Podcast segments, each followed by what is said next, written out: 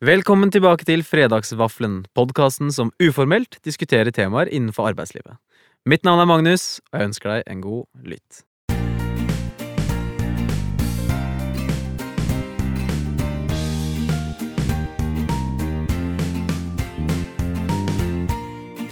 Dagens gjest er en ambisiøs dame. Hun er foredragsholder, programleder og har vært med i flere lederskapsprogrammer, annet hos NHO og McKinsey. I tillegg har hun vunnet Adecco-gruppen sin egen konsernsjefkonkurranse.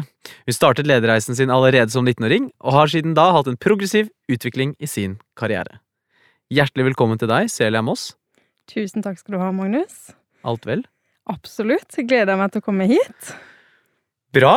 Gleden er på vår side. Um, Celia, det har seg slik at i Fredagsvaffelen så har vi noe som heter Tre raske. Det er tre raske spørsmål for å bli enda litt bedre kjent med deg, for å skape en fredagsstemning, da. Mm. Er du klar for det? Ja. Ja. Nummer én. Hva spiser du på vaffelen din? Eller hva liker du å ha på? Oi.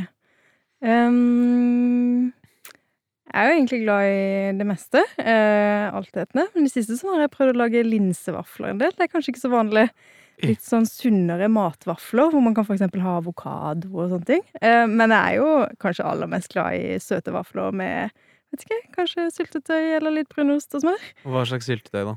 Um, helst eh, hjemmelagd rørt syltetøy med ferske norske bær. Mm. Det er det beste. Mm. De kan man maule en del av òg. Linsevafler. Jeg blir jo litt nysgjerrig, da. Hvordan lager du det? Nei, du har jo egentlig bare linser i røra. Kjører de i, foodprosessor eller med stavmikser. Ja. Så blir det litt, eh, ja, enda litt sunnere. Kan funke litt mer som middag. Ja, riktig, riktig. Mm. Nummer to. Ja. Hvis du kunne spist vaffel med hvilken som helst person, død eller levende, hvem ville det vært? Hmm. Um, på en måte ikke et så vanskelig spørsmål, for hvis jeg kunne valgt helt fritt, så vet jeg at jeg ville aller helst spist vafler og fått en, enda en samtale til med min veldig gode venn, eh, som jeg lærte mye om ledelse av òg, eh, som heter Christian Lilleboe, som dessverre ikke er her lenger. Eh, men han skulle gjerne hatt en fredagsvaffel med. Det er fint. Det siste er et dilemma. Oi. Ville du helst levd ett liv som varer i tusen år, eller ti liv som varer i hundre år? Oi mm. Det var vanskelig. Det hadde jo vært eh, både veldig kult å se liksom all den utviklingen som skjer over tusen år, men det hadde vært veldig spennende å ha Var det tusen eller hundre forskjellige liv? Hundre forskjellige liv? Ti liv som varer i Ti hundre år. Så blir, 100 år. summen blir jo tusen uansett, på en måte. da. Ja. Ja. Nei, jeg tror jeg går for ti liv. Ja, Hvorfor det, da? Nei, ti helt ulike perspektiver. Eh, det tror jeg ja, Ja. er det som var på vektskåla for min del. Ja. Mm. Dagens tema handler litt om hvordan det er å være en ung lederspire. Og hvordan det er å bygge ledererfaring så tidlig. Og vi skal snakke litt om hvordan du kom deg dit der du er i dag, hvilke sjanser du har tatt, og litt om begrepet ærefrykt. Vi skal også tappe litt inn på fremtidens lederskap. Mm. Men vi får sette litt i kontekst, da. Du har tatt lederansvar i relativt ung alder. Eh, Vil du fortelle litt om hvordan det har vært for deg? Ja, det kan jeg absolutt gjøre. Jeg føler meg jo veldig heldig som fikk lov å begynne å øve på lederskapet så tidlig. Det starta med at jeg fikk sommerjobb i Dyreparken som 16-åring, som mange andre sørlendinger også gjør. Eh, og ganske tidlig, da jeg var 19 år, så ble jeg spurt om å være leder for den avdelinga jeg hadde jobba på. Eh, en ganske stor avdeling, største i parken faktisk, med nesten 100 medarbeidere. Litt varierende gjennom årene jeg jobba der, men em, ja. Og da fikk jeg ansvar for eh, både daglig drift, eh, rekruttering av medarbeidere, opplæring, oppfølging, eh, budsjettansvar på både lønn og varer og innkjøp av varer. Eh, oppfølging av medarbeidersamtaler og vanskelige samtaler. Så det var veldig Det var A til Å, rett og slett. Du lik, Eh, du likte det, eller? ja, det er nesten rart å tenke på i etterkant, for det at der og da så bare holdt jeg på å si, hoppa i det og tok det nesten litt for gitt, for jeg fikk jo den muligheten og, og syntes det var veldig gøy. Og så er det kanskje i etterkant, de årene seinere, at jeg skjønte hvor vanvittig heldig jeg var som, som, fikk den muligheten, og at de mulighetene kanskje ikke vokser på trær. Mm. Um, men det var ja, veldig gøy. Jeg gjorde det i flere år. Um, fikk lov å utvikle meg der. Um, møtte veldig mye mennesker uh, som lærte meg veldig mye. Uh, selv om jeg var eh, leder, holdt jeg på å si, og skulle lære bort, så, så går ikke læringa bare én vei. Mm. Og det å få lov til å møte helt sånn Jeg var jo ung sjøl, da, men det å få lov til å møte unge mennesker som har sitt aller første møte med arbeidslivet, det er et privilegium, altså. Uh, på hvilken måte da? På den måten at um, de kommer inn og er på en måte så De har så åpne sinn, eh, og de er så mottagelige, og eh, det å få lov til å være den som Eh, skal gi de, legge til rette for at de får oppleve mestring, og at de får lov til å utvikle seg og se den utviklinga, og det å føle utvikling sjøl gjennom å på en måte være der sammen med de. Mm. Og så er det jo bare helt fantastisk å få lov å jobbe i Dyreparken utendørs. Eh, masse gjester, sola skinner, folk er glade. Um, Scenarioet er jo helt Eller scenen er jo helt Eh, helt magisk. Mm. Og så var jeg heldig, for jeg fikk både ansvar og tillit, som jeg tror er avgjørende for å få lov å utvikle seg som leder. Og så hadde jeg samtidig støtte og trygge rammer, eh, som gjorde at mens jeg fikk lov å prøve og feile, så kunne det liksom aldri gå helt galt. Eh, for det var, ja, det var både andre ledere, det var HR-avdeling, det var kollegaer, det var ja, andre rundt. Men var det tidlig sånn eh, Eller reflekterte du tidlig over at jeg har disse og disse lederambisjonene. Og Tenkte du noe over det der og da, eller var det litt sånn, ja, sånn som du sa, at du bare hoppa i det, og så mm, Ja, det er jo et godt spørsmål, og så er det sikkert lett å tenke at man var bevisst på det, men jeg tror jeg var ganske lite bevisst på det. Jeg tror det som var på en måte viktig for meg, var å eh, få lov til å være liksom litt der det skjer. Få muligheter, få ansvar, få lov å liksom involvere meg. Jeg er jo ganske sånn eh, lett engasjert, og det var jeg nok også da, sånn at eh, jeg tror ikke man trengte å liksom Eh, mase veldig for at jeg skulle hoppe på de mulighetene som kom. Um, sånn at det, det, var nok på en måte ikke noe sånn bevisst i den forstand at jeg tenkte at liksom jeg skal bli en leder, men det var nok bevisst i den forstand at jeg syntes det var gøy å ha en sentral rolle og være på en måte um, Ja, være delaktig og bidra. Um, mm. Ja. Tenkte du, eller ble, var det sånn selvbevisst, ikke nødvendigvis om ambisjonen og sånn, men hvordan du behandlet andre og satt deg liksom dette er den jeg vil være ja, som leder? Ja, det er et godt spørsmål, for det er jo virkelig en reise. Eh, det høres kanskje litt sånn rart ut å referere til det som en reise, men jeg føler virkelig at som, når man snakker om ledelse og det å være en leder, så er man på en lederreise hvor man skal øve, rett og slett, eh, og hvor både egenskaper og ferdigheter og bevissthet rundt egen rolle og atferd virkelig er noe som på en måte vokser fram over tid, da. Sånn at eh, det er jo mange ting jeg kan eh, huske sjøl at jeg har på en måte tenkt tilbake på og tenkt sånn Å ja, gjorde jeg det sånn da? Hvor man på en måte kanskje ser ting man gjorde på en måte i et nytt perspektiv litt seinere, når man enten har gjort seg noen flere erfaringer, eller man har kanskje bare blitt litt eldre, rett og slett. Mm. Um, så det, er jo virkelig en reise, og det er jo sånn at jeg noen ganger kan tenke litt sånn Oi, jøss, tenk på liksom. De, det ble jo da flere hundre i om at de, disse medarbeiderne kommer jo og går litt sånn fra år til år, som møtte meg som ung leder som 19 år. Jeg håper jo at de aller fleste har hatt et godt møte med meg, men man kan jo noen ganger bli litt usikker, fordi man var en ung leder og hadde jo på ingen måte fasiten på hva det vil si å være en god leder, eller hvordan er det, hvordan er det jeg ønsker å være leder ennå? Det er jo noe som kommer litt etter hvert. Er, er, det noe konkret du husker tilbake på hvor du har endret Altså er det et aspekt ved deg selv du har endret, endret deg veldig på, da? Fra da til nå? Så du tenker oi, shit. Ja, jeg tror um, jeg hadde jo I tillegg til å være holdt på å si, leder for den avdelinga, så var det jo også et lederteam eh, som jeg hadde ansvar for, som eh, var veldig dyktige folk. Eh, og som jeg jobba tett med. Eh, og um, Eh, som lærte meg veldig mye. Og jeg tror at eh, flere av de som var der, var nok med på å påvirke meg til å få et litt annet mindset. Eh, bevege meg liksom enda mer mot det som mange kaller for et growth mindset. Mm. Og det er klart jeg har sikkert fått påvirkning også fra studier og andre sammenhenger, men for meg så var liksom den arenaen, den arbeidsplassen jeg hadde der, som var på en måte så trygg, hvor jeg kjente folk, jeg trivdes, og jeg tror veldig på det at trygghet er er helt avgjørende, egentlig, for utvikling, for å kunne drive innovasjon, for å kunne være kreativ. Eh, hvis ikke du liksom føler deg trygg, så tør man ikke å ta de samme sjansene som hvis man føler seg trygg. Sånn at jeg tror der, spesielt den liksom med sånn utvikling i ja, i mindset, egentlig, hvordan jeg valgte å se på utfordringer og muligheter, og, og ja, bli enda mer sånn eh, både løsningsorientert og tørre å tenke litt større. Det, det, det var en sånn markant endring som jeg følte i meg sjøl over de årene, Mm. rett og slett. Hvis det ja, var et svar på det du spurte om. Ja, jeg syns det. Jeg syns det. Mm. Det er bra. Takk for det. Men hva er en god leder for deg, da?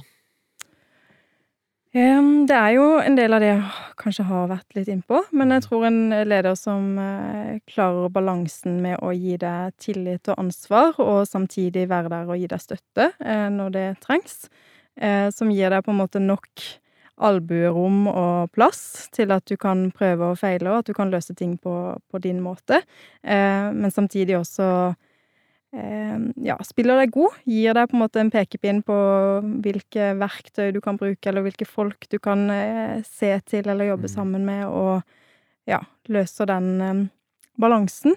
Um, og så tror jeg det kan- trygghet er veldig, veldig viktig. At du føler at du kan være deg sjøl, og at eh, det er muligheter for, for utvikling. At her får jeg lov å liksom strekke meg, eh, prøve nye ting, eh, få lov å endre meg. Jeg trenger ikke bare være den jeg har vært hele tida. Kanskje jeg har jobba med ett fagområde eller hatt ett vanser fram til nå, men det trenger ikke å definere meg. Du kan gjøre andre ting. Du kan sprenge grenser eller eh, forflytte deg. Og så tror jeg jo selvfølgelig veldig på det å ha det gøy på jobb. Omgi deg med mennesker som du kan kose deg med både faglig og sosialt. Så tror jeg det ja, gi god grobunn, da, både for å oppnå resultater på jobben, men også bare det å ha det gøy og ha et fint liv, rett og slett. Ha gode følelser i kroppen sin. Mm, mm. Apropos gode følelser og Mm. trygghet og, og så videre. Hvordan Eller hvordan har du funnet motet, ikke bare da du jobbet i Dyreparken, men også tidligere, til å ta et steg, eller, eller det neste steget, innenfor Mm. ulike organisasjoner? Jeg tror For min del så tror jeg at de årene jeg jobba i Dyreparken, så kom det veldig av seg selv, fordi at jeg følte på en måte at eh, Ja, hva skal jeg si? At jeg var i denne veldig trygge lekegrinda, og jeg fikk disse mulighetene. Og det var på en måte ikke noe Jeg trengte ikke å hente fram noe mot, egentlig. Eh, Det, det var bare det var gøy, rett og slett. Jeg tror mer sånn i etterkant at jeg tenker jeg var veldig privilegert eh, som fikk de mulighetene. Så har kanskje behovet for mot meldt seg litt seinere. Eh, for eksempel så kan jo dra historien litt videre, for etter hvert så begynte jeg kanskje å føle at uh, nå har jeg utvikla meg veldig mye i den jobben jeg hadde i Dyreparken, og så hadde jeg også en jobb som butikksjef på sida, eh, som jeg kombinerte, og hadde lært veldig, veldig mye over flere år, men merka etter hvert at kanskje ikke læringskurven er like bratt lenger, eh, og begynte å tenke på hva skal jeg gjøre nå, eh, og skjønte vel kanskje at det var studier som ble det neste. Eh, Og da tror jeg jeg måtte hente fram litt mot, for det falt ikke helt sånn naturlig for meg, føltes det som. Jeg hadde ikke egentlig så lyst til det. Jeg skjønte vel mer at dette er noe som kan gi meg noe i den andre enden.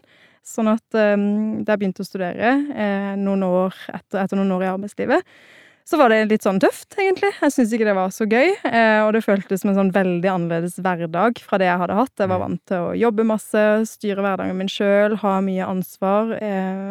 Ja, til å plutselig skulle på en måte forholde meg til en timeplan med forelesninger, og jeg følte, hvis jeg skal være helt ærlig, så følte jeg litt at det gikk en sånn litt sånn seig masse, hvor ting liksom Jeg følte på en måte ikke at jeg hadde samme tempo som jeg var vant til på jobb, eh, så det var en litt sånn omstilling, eh, hvor jeg i starten tror jeg egentlig jeg var litt eh, negativ.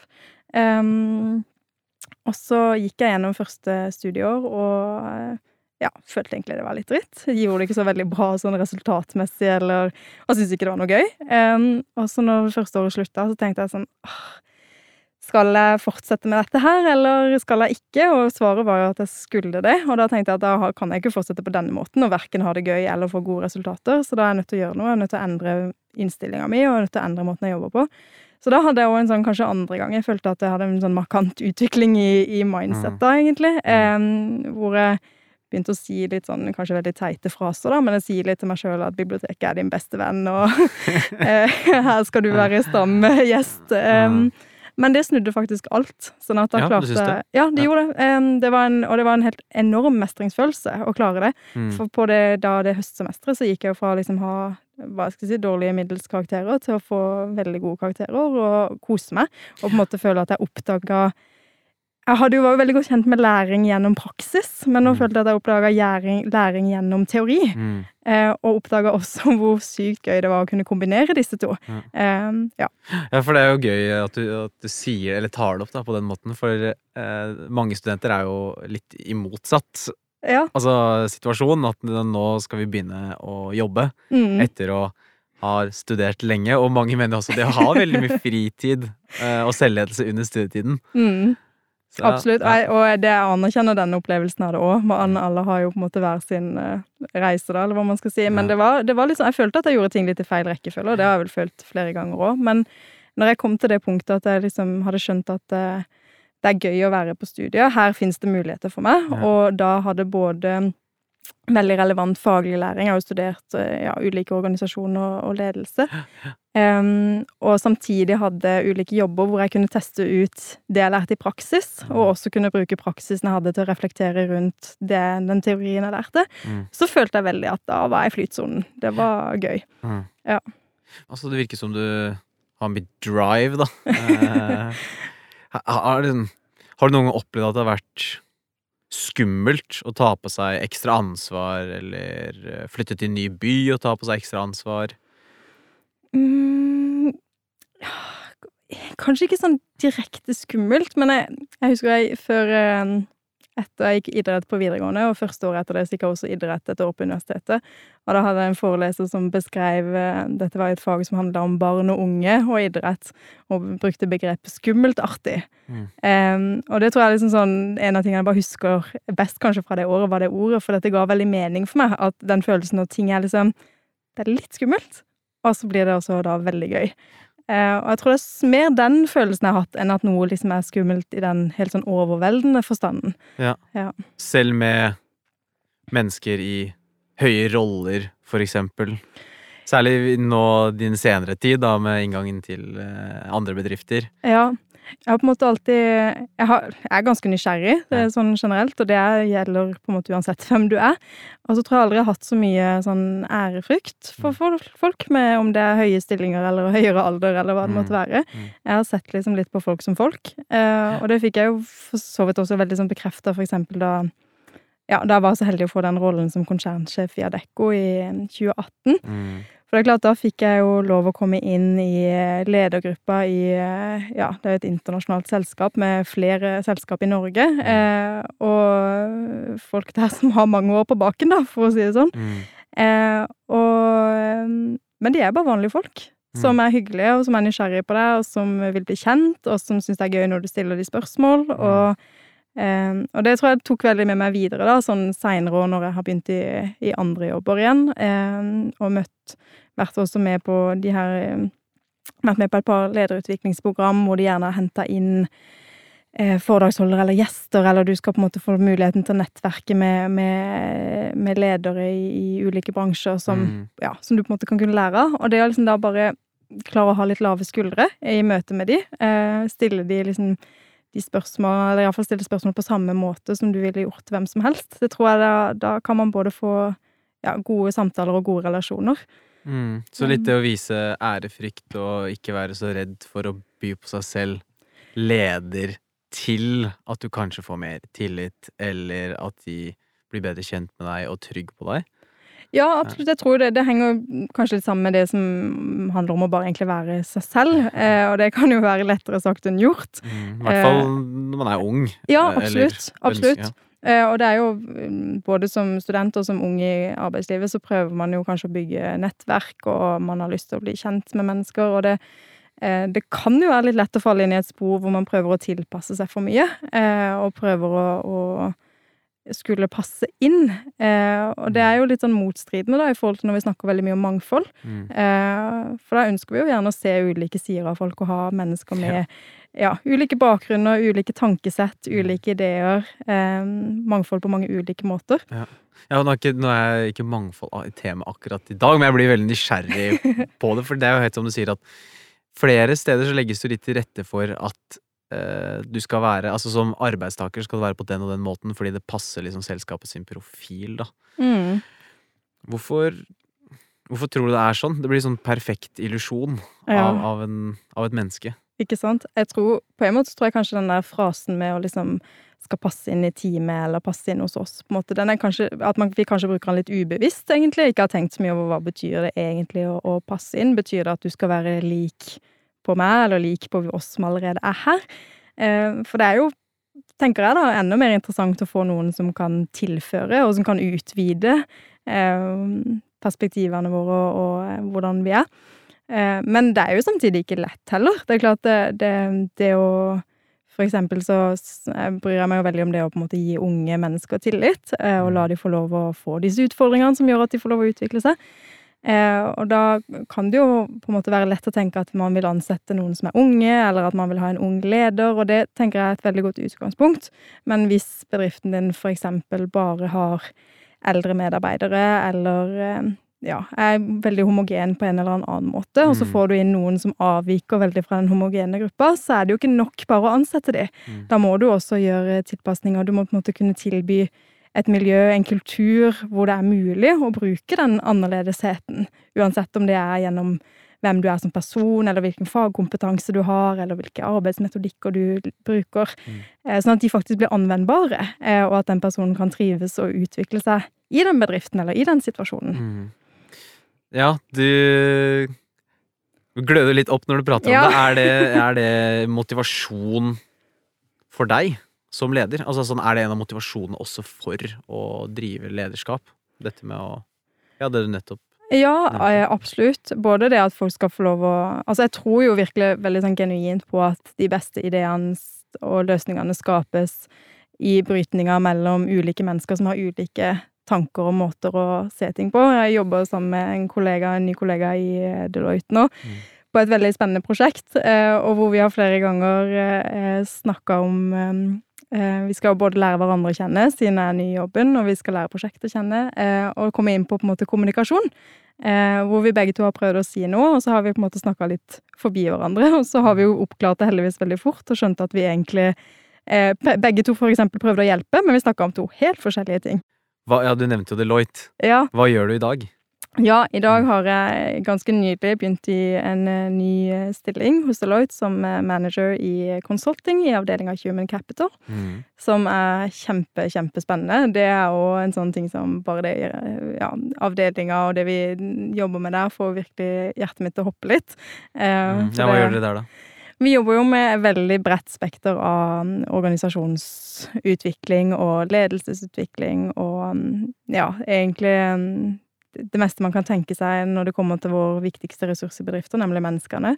Um, så der skjer det veldig, veldig mye spennende. Um, ja, så for min del, som akkurat har begynt, så føles det som å komme inn i en stor, stor godtebutikk, Mm. rett og slett. Mm. Um, ja. Mm. ja. Godtebutikk. Jeg vet ikke om det henger sammen med neste spørsmål, men, men det blir på en måte et steg videre da, ut fra hvor du er i dag, og hva vi har snakket om så langt. Men hva tenker du er viktig for fremtidens ledere for at virksomheter skal lykkes? Mm. Ja, veldig Det er jo et godt og viktig spørsmål. Um, det snakkes jo mye om på en måte nå for tida om eksempel kampen om talentene. Uh, og jeg tror jo at skal man lykkes både som bedrift og som leder, så trenger man flinke folk. Det trenger man nå, og det trenger man i fremtida.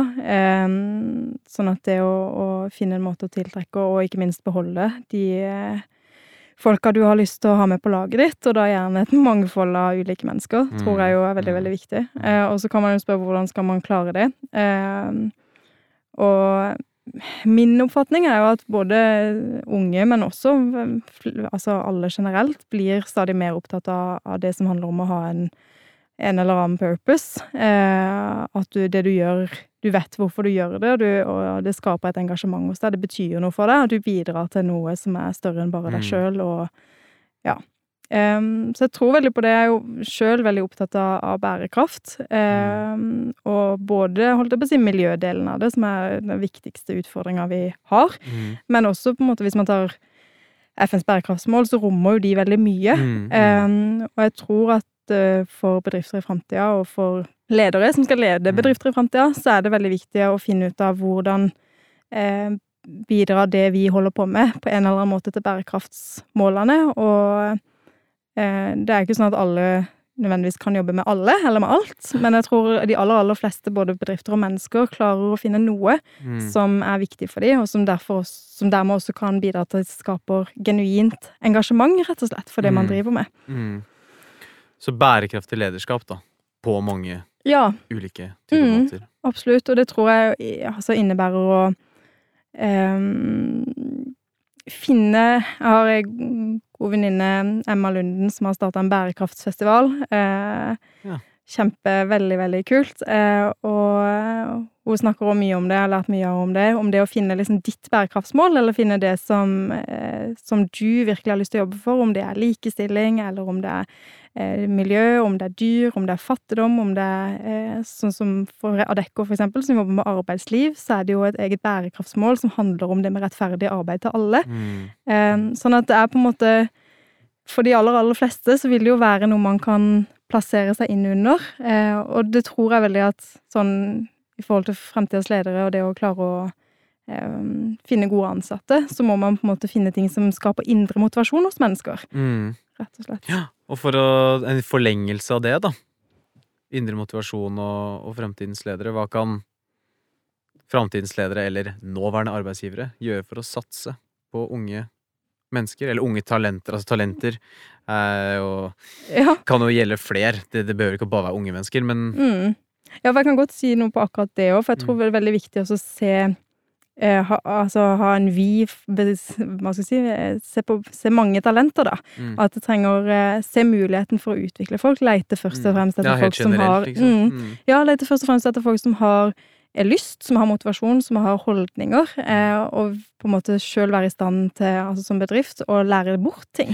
Sånn at, eh, at det blir mulig for folk å komme inn og lykkes. At ikke det skal være noen som allerede er best på det og det og det, men som rett og slett har muligheten til å lære. Eh, Jeg tror at for særlig unge så er det å kunne få lov til å lære og utvikle seg helt ekstremt viktig Mm. i arbeidslivet. Um, sånn at det å ha en på en måte ikke en for smal dør for hvem som skal få lov å komme inn og leke med det.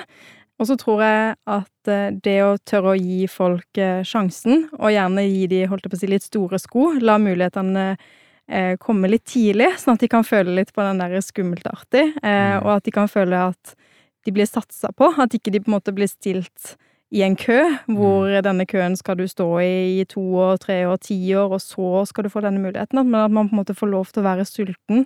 Eh, og Uavhengig av alder. Ja. Mm. Rett og slett. Mm. Uavhengig av alder, og selvfølgelig eh, gjennom dialog med, med den det gjelder, for å avklare. Folk har jo ulike ambisjoner og ulike eh, ulike ting som man syns er viktig. Noen har kanskje lyst til å utvikle seg som leder, noen vil utvikle seg faglig, noen har helt andre mål. Sånn at eh, man må selvfølgelig snakke med mennesker. Eh, men det å, å ja, ikke sette de på benken, da, eh, eller i en kø, men la de få lov å utvikle seg.